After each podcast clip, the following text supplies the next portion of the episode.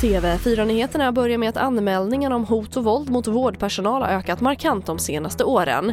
Enligt siffror från Arbetsmiljöverket har det i år gjorts 44% fler anmälningar än under samma period 2015. Och från Vårdförbundet driver man på för en ändrad lagstiftning som ska ge hårdare straff för angrepp på just vårdpersonal det ska vara som våld mot tjänsteman.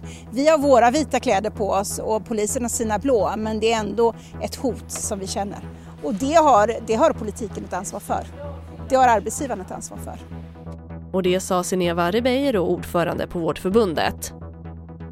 Och Region Stockholm avslutar nu det regionala stabsläget som varit aktiverat sedan i början av mars på grund av pandemin.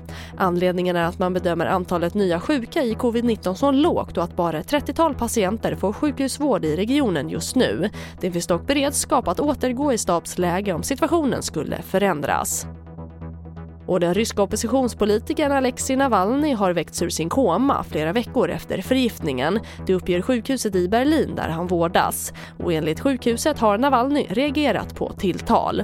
Och det får avsluta TV4-nyheterna. Jag heter Charlotte Hemgren.